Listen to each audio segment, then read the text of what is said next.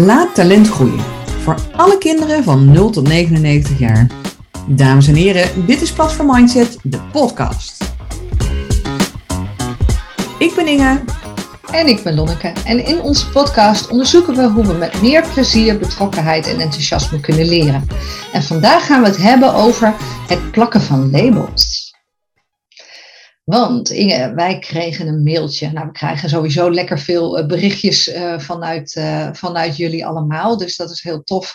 Maar Margriet die stuurde ons een berichtje over uh, het volgende. Ze schreef: Bij hoogbegaafde leerlingen speelt vaak dat ze veel zouden kunnen, maar door faalangst en perfectionisme een fixed mindset ontwikkelen. Hoe ga je daar nou mee om? Want dit staat een groeiende weg en hier hebben onze kinderen erg veel last van. Nou, ik denk dat dit heel herkenbaar is, uh, zeker als je veel met hoogbegaafde kinderen te maken krijgt. Maar ja, bij mij triggerde dit eigenlijk direct wel een. Um, ja, triggerde dit direct wel iets. Want ja, hoogbegaafd. Uh, hebben dan alleen hoogbegaafde kinderen hier last van? Of uh, hebben ook andere kinderen hier last van? En uh, nou, wij hadden het even kort over deze vraag, Inge. En we dachten, ja, maar we zouden eigenlijk eerst eens even moeten inzoomen op zo'n label. Ja. En dan kun je het hebben over hoogbegaafd, maar dan kun, kunnen natuurlijk alle labels zijn. Dus um, ja, ik wil eigenlijk met jou, uh, Inge, hier eens eventjes over gaan bomen. Van wat betekent nou zo'n label voor, voor, voor een uh, kind of voor een volwassene? Mm-hmm. En uh, welke invloed heeft dat nou op die mindset? Ja, nou, ik vind het mooi dat, dat Margriet ook mailt um, dat ze door faalangst en perfectionisme een fixed mindset ontwikkelen.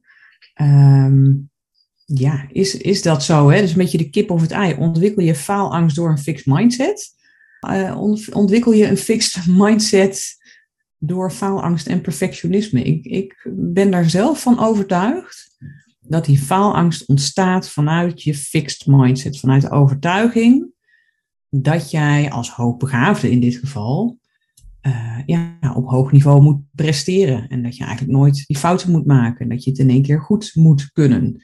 En ik denk zeker dat zich dat niet beperkt door kinderen met het label uh, tot uh, kinderen met het label hoogbegaafdheid, maar dat dit ook absoluut met kinderen met andere labels, dat hier ook gewoon tegenaan lopen. Dus uh, lijkt me prima om niet alleen maar het groepje hoogbegaafden hier nu vandaag in mee te nemen, maar dat we überhaupt alle labels eventjes meepakken. En dan kunnen we later altijd nog, hè, dat kunnen we altijd nog doen, specifiek op bepaalde labels in gaan zoomen wat bij mij meteen triggerde was, um, als je naar uh, de onderzoeken kijkt die DWEC uitvoert.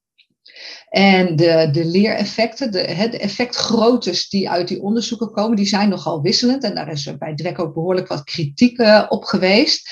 Maar je ziet juist bij de groep uh, kinderen, maar ook volwassenen, die labels hebben, die op de een of andere manier een belemmering ervaren in, in, in het leren, in het ontwikkelen dat juist daarbij mindset-interventies uh, hele grote effecten hebben. Ja. En ja, dat lijkt mij te betekenen dat dus juist ook die fixed mindset, die vaste mindset bij die groep zo'n grote rol speelt in hun ontwikkeling. Um, dus um, wat je eigenlijk ziet is dat als er interventies gebeuren op het gebied van mindset, dat uh, leerlingen met labels, leerlingen met leerbelemmeringen, welke dat dan ook zijn, hè, dat kunnen ook bij hoogbegaafde kinderen kan dat uh, spelen, dat dat de leerlingen zijn die het meest profiteren als er interventies rondom mindset gedaan worden, bijvoorbeeld op school. Ja, ja dat vind ik heel boeiend. Ja, ik ook. Want waarom geven we die mindset-interventies niet eigenlijk voorafgaand aan een label? dat, uh, als dat dan zoveel effect heeft, en uh, betekent dat dan ook dat het krijgen van een label, dat dat je automatisch ook in een bepaalde stand zet? Dat vind ik ook wel interessant. Want ja, nou, zelf als ervaringsdeskundige op het gebied van labels krijgen, ja, bij mij heeft het. Uh, ja, toch wel heel veel uh, um, vastgezet in mijn manier van denken en zeker van doen. Want op het moment dat ik mijn eerste labeltje kreeg op mijn zestiende, had ik een heel fijn excuus eigenlijk om mezelf niet meer verder te hoeven ontwikkelen. Dat, ja, weet je, het was nu eenmaal zo. Ja, ik, uh, ik kon niet anders. En het verklaarde ook heel veel over hoe ik me voelde en hoe ik deed. Maar ja, het gaf mij ook toch wel min of meer een vrijbrief om mezelf niet ja, verder te hoeven ontwikkelen. Dus dat gaf me ook wel even wat rust. Ja, dat, dat was wel welkom. Ja, ja. Ja, nee, kijk, en dat is natuurlijk ook lastig in die hele discussies rondom labels. Aan de ene kant geeft het je een verklaring voor bepaald gedrag, hè, waarom je je op een bepaalde manier voelt. Uh, maar ja, er zitten natuurlijk ook wel heel veel uh, ja, valkuilen aan. En jij noemt er nu eentje. Maar um, ja, dat, dat, dat, maakt het echt heel erg lastig. En ik, ik, ik denk dan bij labels ook bijvoorbeeld heel erg aan van hoe, hoe vul jij zo'n label dan voor jezelf in? Maar uh, nou, als we dat woord hoogbegaafd nemen en ik vraag aan drie mensen op straat wat is volgens jou hoogbegaafd, dan krijg ik waarschijnlijk drie verschillende antwoorden. Want de een die heeft te maken gehad met uh, een, een hoogbegaafde, de ander die heeft dat uh, daarover gelezen in de media en de derde die dacht, had ooit vroeger een hoogbegaafd jongetje bij hem in de klas zitten. Die was altijd als eerste klaar. En zo heeft iedereen op, op, op zijn eigen manier wel een invulling aan zo'n label. Ja. En um, we benaderen dat dus allemaal vanuit onze eigen kennis, van onze, vanuit onze eigen ervaringen, uh, van ons, vanuit onze eigen overtuigingen. En dat maakt dus ook dat, stel dat jij dan een, een juf bent en je krijgt een leerling met een bepaald label in je klas, dat je die leerling onbewust ook op die bepaalde manier benadert. Maar vaak zijn labels toch behoorlijke containerbegrippen. Als ik bijvoorbeeld denk aan het label ADHD, dat is, je krijgt het stempeltje ADHD op het moment dat je voldoet aan een aantal symptomen.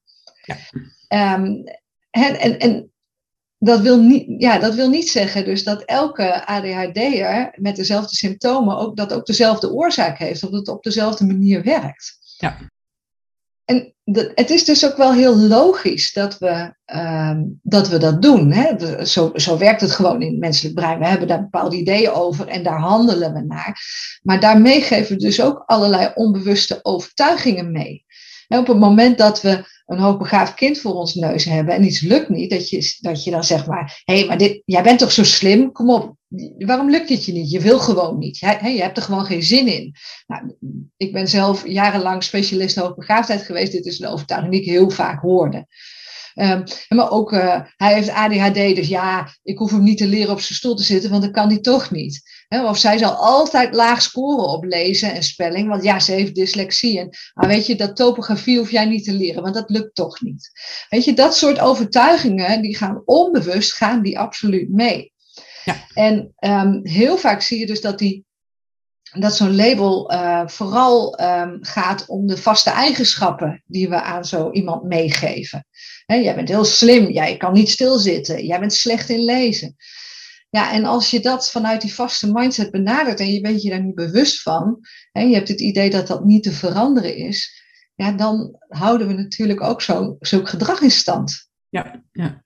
Ja, en, en die, die labels, die, hè, jij zegt iedereen geeft er ook wel weer een eigen invulling aan.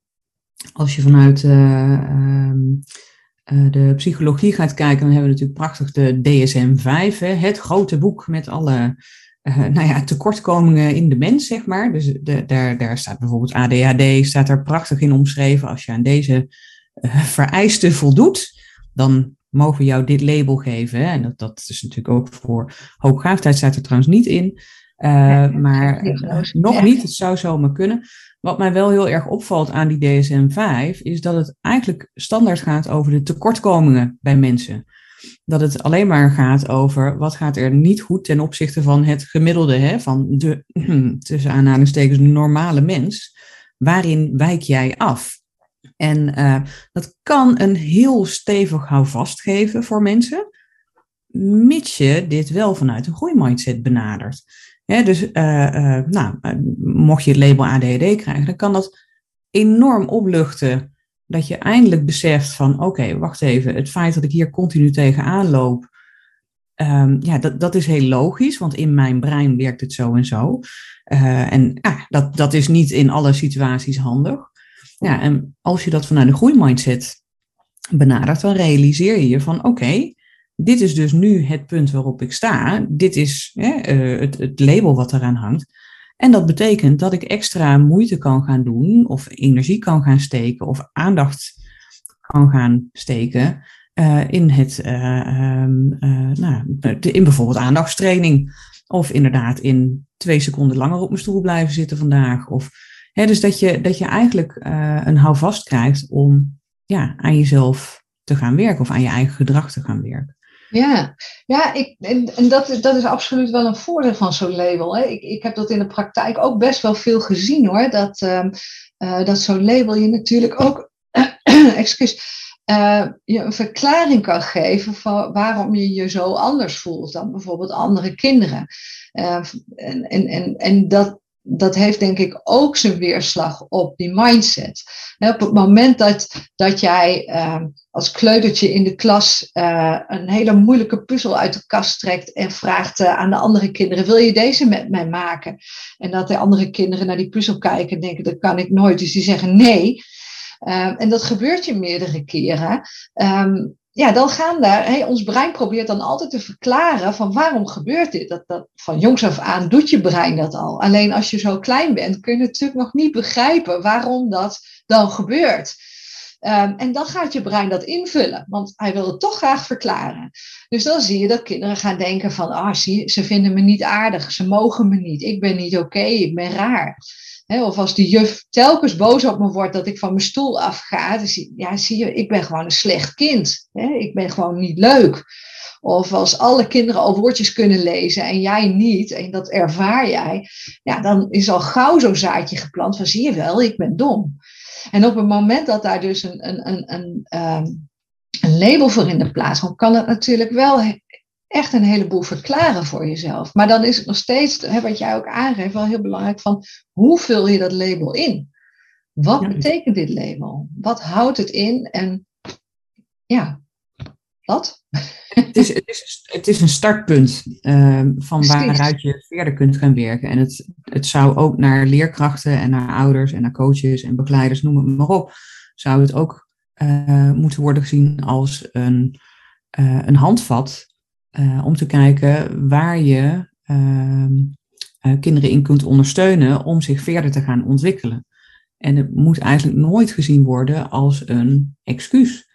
Of als ja, maar dit, dit, hierdoor kan hij het niet. Echt hoeveel kinderen ik in mijn klas heb gehad die zeiden, ja juf, ik, daar kan ik niks aan doen hoor, want ik heb ADHD. Of ja, kan ik niks aan doen, ik heb ODD. En dan zei ik altijd, ja, daar kun je niks aan doen, maar je kunt er wel wat aan doen je kunt er niks aan doen dat dit het pakketje is wat je hebt meegekregen bij de bevruchtingen bij je geboorte en uh, misschien uh, in de eerste jaren van je leven. Daar kun je niks aan doen, maar je kunt altijd invloed uitoefenen op het punt waar je nu staat. dus wat kun je dan nu doen om jezelf, ja, toch, uh, om, om je vaardigheden toch wat verder te verbeteren als je er last van hebt of als je omgeving er last van heeft. Dat is helemaal niet, uh, niet verkeerd om het zo uh, te zien. Maar ja, het, het, het, het blijft een feit dat de meeste labels wel echt gericht zijn op het feit dat jij iets tekort komt of dat jij ergens niet goed genoeg in bent.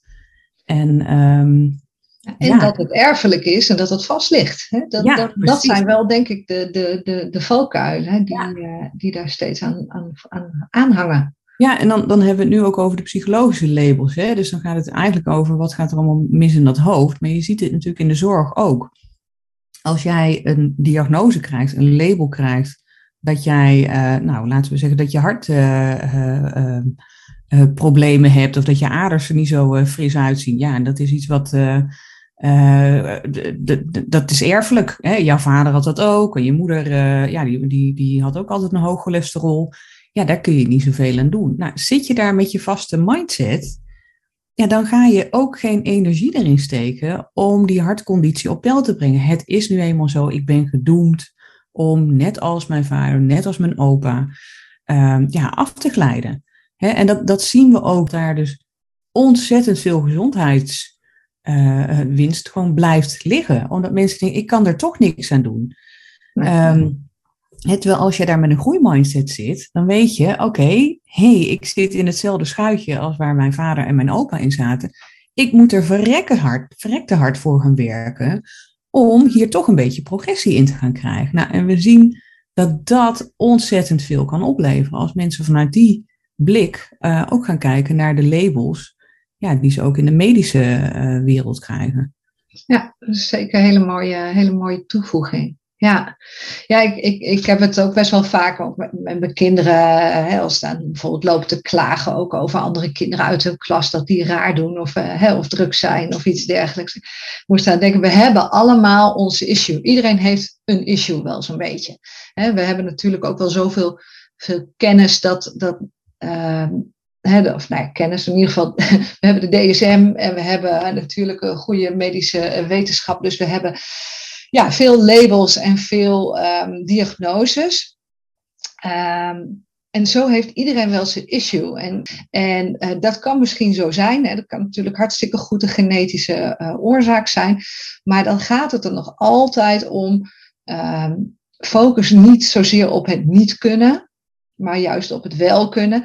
Het gaat erom hoe jij ermee dealt, hoe jij ermee omgaat. En dat kun je in basis doen vanuit die vaste mindset of in basis doen vanuit die goede mindset. Ja. En, ehm, en ik denk ook wel, als we in de, als we in de in, in, in de media zien, hebben we natuurlijk heel regelmatig van die prachtige voorbeelden van hoe mensen bijvoorbeeld met hun, met hun ziekte omgaan. Ik, ik denk aan zo'n Bibian Mentel bijvoorbeeld, die hè, vorig jaar is overleden. Ja. is natuurlijk wel echt een prachtig rolmodel van hoe je toch om kan gaan, ook al uh, ja, laat je lijf het afweten. Uh, maar dat is ook meteen wel weer een heel extreem voorbeeld. Terwijl we kunnen het ook in die hele kleine dingetjes zoeken we kunnen het ook zien, zoeken in het kleine genieten, in de kleine sprongetjes, in de kleine stapjes vooruit. We hoeven echt niet allemaal meteen naar de Paralympische Spelen. En, maar goed, feit blijft wel dus van hoe benader je zo'n label of diagnose. En, um, en dat, en dat um, nou dan weet ik even niet meer wat ik wilde zeggen. Nou ja, ik, ik had een mooie, de, de, de, de mooie zin hè, van zo'n label is snel geplakt. Maar het is heel moeilijk om te verwijderen. Het is heel lastig om hem weg te krijgen. Vooral uh, nou ja, vanaf papier. Hè. Stel dat een, diagnose in je dossier staat. Maar het is natuurlijk nog lastiger om zo'n diagnose uit de hoofden van mensen te krijgen. En mm, ja, het lastige is dat zo'n label vaak een bewijs geeft van onvermogen. Van de dingen die je niet kan, daar ligt heel vaak de focus op. En uh, nou ja, ik denk dat wij graag pleiten voor wat meer focus op die positieve kanten. Ja, nou ja, en dat, dat vind ik ook wel mooi in de positieve psychologie. we hebben die DSM-5 natuurlijk in de klassieke uh, psychologie, hè, dus, um, waar we ook ontzettend veel aan hebben. Ik bedoel, laat dat voorop staan. We hebben aan de andere kant hebben de positieve psychologie, Martin Seligman, die heeft dan weer de, de via character strengths. En dat is eigenlijk een soort DSM-5, maar dan voor uh, uh, ja, eigenlijk de, de, de krachten, de talenten, de kwaliteiten die mensen in zich kunnen hebben. En dat gaat over, ik meen, 24 verschillende deugden mm-hmm. die wij allemaal in ons hebben. En sommige zijn wat sterker vertegenwoordigd, sommige wat minder. En het is heel prettig als je ook daar wel op mag leunen. Dus ook als jij bijvoorbeeld het label ADHD hebt gekregen, en ik pak hem er maar weer bij, want het, ja, dat, het ligt even voor de hand om ADHD te pakken hoe fijn is het als je voor jezelf ook kunt zeggen: Ik heb ADHD en ik ben ook een ontzettend sociaal uh, persoon. Hè? Ik uh, ben dol op leren of ik ben hartstikke creatief. Dus dat we niet alleen maar richten op die tekortkomingen, maar juist ook heel erg goed kijken naar en wat zijn dan de sterke kanten die ik in me heb. Um, ja, omdat dat. Ik, ja, ik denk niet alleen dat het, dat het goed is, maar ik denk dat het brood nodig is. Ja. Um, wat, wat ik bijvoorbeeld heel veel zie gebeuren, um, uh, op een moment bijvoorbeeld dat er een label dyslexie wordt geplakt, dan gaat alle energie en tijd gaat naar het extra oefenen van het lezen. En, um, en, en natuurlijk is het nodig om daar extra energie en tijd in te steken, maar we focussen dan volledig op de dingen die je niet kan. Nou, ik weet niet, Inge, maar ook voor de luisteraars, op het moment dat jij iets niet goed kan en je moet daar ontzettend hard voor gaan oefenen, dat, dat is nou niet per definitie leuk. Daar word je nou niet per definitie ook blijer van. Dus um, het is zo belangrijk om juist ook op die talenten in te zetten. En, en ja, dat vergeet de DSM er dan nog wel even bij te vermelden, dat we dat ook moeten doen in de behandeling, zeg maar. De, um, een van de dingen die uh, Dweck heel mooi uh, in haar onderzoek laat zien, is dat als je uh, cognitieve gedragstherapie onder andere voorafgaat door breinologie, dat dat veel meer effect heeft ja. op het gedrag van mensen en op de manier waarop zij naar zichzelf kijken. En breinologie, dus even voor de luisteraars, eigenlijk is dat een stukje kennis over neuroplasticiteit. Dus over het feit dat als wij uh, ander gedrag laten zien, als wij de dingen op een andere manier aanpakken, als we nieuwe dingen leren, dat er in ons brein ook zich nieuwe paden vormen. Dus en dat noemen we neuroplasticiteit. Uh, zijn we eigenlijk nog niet eens zo heel erg lang van doordrongen dat dat brein van ons niet iets is wat al klaar is bij de geboorte, maar wat zich langzaam maar zeker vormt um, naarmate we nieuwe dingen leren. Uh, ja, wij hebben gewoon invloed op dat hele stelsel in ons hoofd. En we hebben, we hebben er niet 100% over te zeggen hoe zich dat vormt, maar we kunnen wel willens en wetens bepaalde paden aanleggen. Um, ja, kijk, en dat is natuurlijk super belangrijk als jij nou, het label dyslexie hebt gekregen. Je denkt, ja, ik ga dat nooit leren. Dat je wel weet van, oké, ten opzichte van waar ik nu sta, um, ja, kan ik in elk geval het ene stapje vooruit komen. En daar moet ik hard voor werken, daar moet ik nieuwe paden voor aanleggen ik heb invloed op dit stukje in mijn brein. Um, dus ja, breinologie, kennis over mindsets. Ik denk, nou, het moet gewoon een standaard onderdeel worden. En daar zijn wij ook hard voor aan het strijden, Lonneke. Dat dat eigenlijk bij de kleuters al iets is wat, ja, wat, wat, wat elk kind al weet. Nou, en fijn dat jullie luisteren, want dat betekent dat er ook heel veel ouders en leerkrachten en therapeuten en noem het maar op, dat, uh, nou, die er ook meer kennis over krijgen. En ik denk dat dat echt heel erg veel uh, voor mensen kan doen. Ja. Nou, wat ik, wat ik zat te denken, is dat het ook andersom natuurlijk kan werken. Als we zelf, onszelf een, een, een, positief label geven. Uh, bijvoorbeeld, ik ben, uh, ik ben een heel sportief iemand.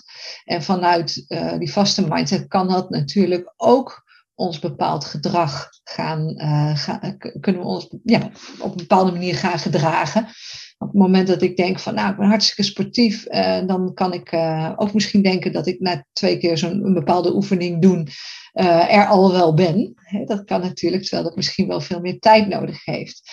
Um, dus ja, ik zat daar nog even over na te denken van hoe, hoe, hoe kan zo'n positieve label ons nou even helpen met groeien of juist belemmeren met groeien?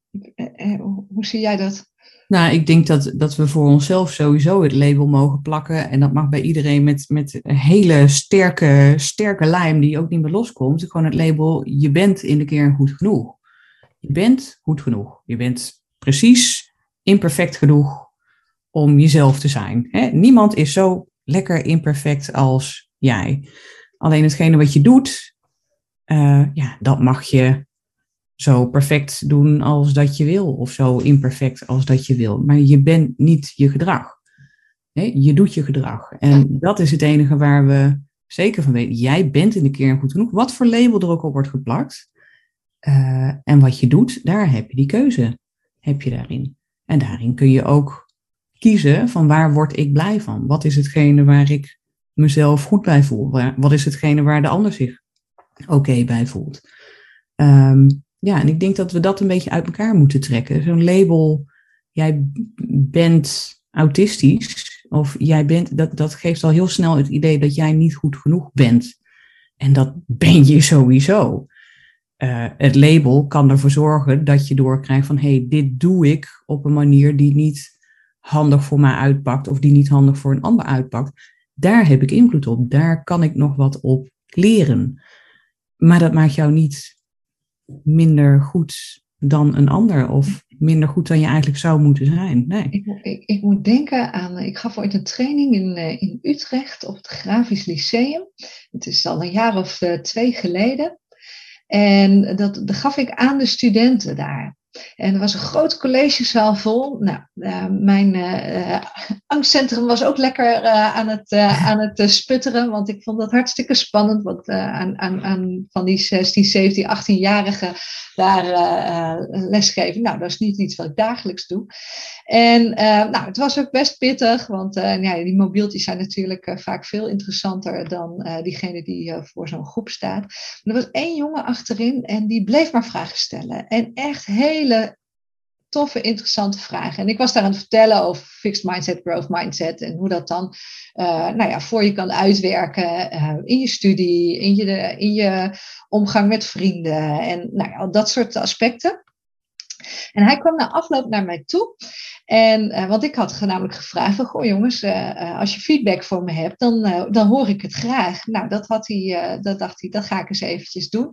En toen kwam hij naar me toe en um, hij vertelde dat hij dus het label autisme had. En um, hij was eigenlijk verbaasd over hoe... Um, ongeïnteresseerd veel van zijn medestudenten waren op dit vlak. En hij realiseerde zich ook tijdens deze uh, lezing dat hij rondom dat hele mindset-verhaal, al had nog nooit van mindset als woord gehoord, maar dat hij daar dus uh, al uh, jaren heel erg richting groeimindset had ontwikkeld om te zorgen dat hij zijn opleiding kon doen, dat hij dat diploma ging halen. En hij was daar apen trots op. En ik vond dat zo tof. Nou, één natuurlijk voor hem dat hij dat, dat, dat, zo, uh, ja, dat, dat dat zo voor hem had uitgepakt. Uh, ik vond het ook zo tof voor hem dat hij daardoor had van, hé, hey, maar dit is een verschil tussen de rest en mij, zeg maar. ik heb daarin al veel meer geleerd. Die anderen moeten dat nog leren. Um, en ik was gewoon apetrots dat hij dat kwam vertellen. Om, nou ja, het was natuurlijk heel mooi om, om, dat, om dat verband ook zo te zien.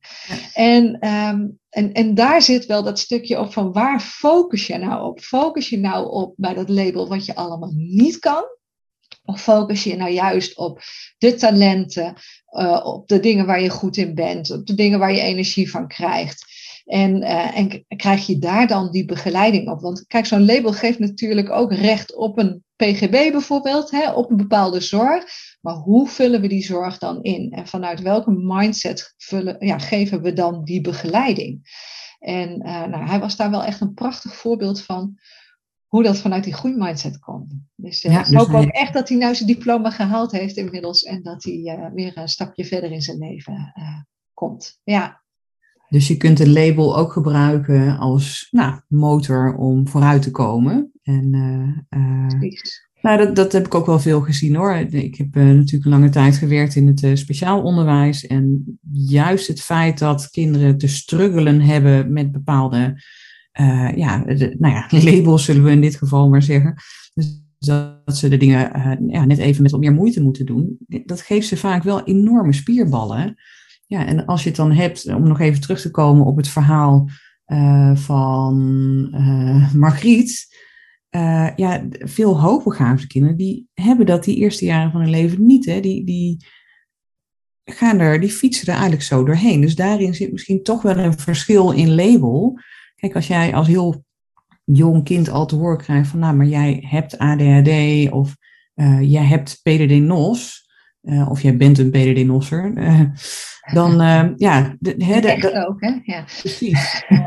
een echte, of een ODD'er.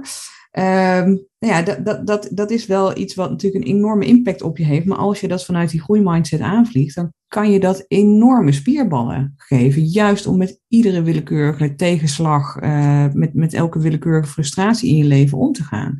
En dat zien we ook, hè? de uh, dyslexie, op het moment dat je daar hard voor hebt moeten knokken in je jongere jaren, dat je daar de rest van je leven profijt van hebt, eigenlijk ook op andere vlakken. Dat het je ook heel weerbaar kan maken. Dus uh, dat is hartstikke mooi. En als je dan het label HB hebt en je bent het gewend om makkelijk door de dingen heen te fietsen, ja, dan heb je eigenlijk uh, ja, nog niet echt de kans gehad om die spierballen te trainen. Maar je hebt wel een label. Hoogbegaafd. En ook, en ook een label waar anderen, uh, ik, ik, denk dat dat best wel een label is waar heel veel verschillende invullingen door de omgeving aan worden gegeven. Ja. ja, ik denk echt dat we een deel 2 van deze podcast moeten gaan maken, waarin we dan dat stukje hoogbegaafdheid nog eventjes wat verder fileren. Want denk juist ook wanneer leerlingen of uh, kinderen op jonge leeftijd toch dat label al krijgen, dat, um, nou ja, dat ze dat ook echt heel veel kan opleveren. Dus ik denk dat we nog uh, genoeg uh, te bespreken hebben om daar nog eens een deel 2, om hier een deel 2 van te maken. Het, het maakt natuurlijk niet uit welk label je hebt. Het gaat er wel om hoe je ermee omgaat. Wil je jezelf bewijzen? Wil je bevestigen dat je dat label bent? Wil je bevestigen dat je inderdaad zo bent? Of kijk je vanuit je goede mindset naar, oké, wat kan ik doen ten opzichte van waar ik nu sta om ergens een beetje beter in te worden? Nogmaals, in de kern ben je goed genoeg, uh, maar je kunt iedere vaardigheid, ieder talent, iedere kwaliteit, kun je een beetje verder ontwikkelen als je daar energie in steekt.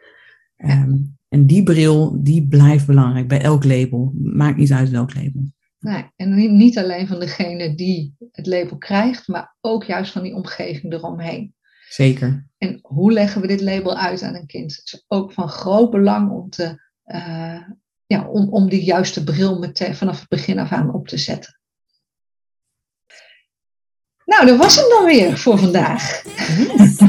Nou, dankjewel allemaal weer voor het luisteren. Um, nou, we hebben genoeg stof weer voor een uh, volgende podcast, zoals je hoort. Fijn dat je luistert. We hopen dat jullie nog uh, veel vragen, verhalen insturen. Daar worden wij heel blij van. En uh, daardoor kunnen wij ook ja, die volgende podcast ook weer allemaal gaan vullen. Dus heel graag tot de volgende keer. Doei! Tot deel 2. Dag! Deze podcast werd gemaakt door Inge Korstiaans en Lonneke Snijder van Platform Mindset. Super dat je weer naar ons hebt geluisterd. Wil jij jouw mindset-verhaal met ons delen? Of heb je een vraag die wij in deze podcast kunnen beantwoorden? Stuur ons dan een berichtje. Alle gegevens vind je op onze website. En als je blij bent met deze Mindset podcast, laat dan zeker even een review achter, zodat nieuwe luisteraars ons ook kunnen vinden. Zo laten we samen talent groeien. Let's grow!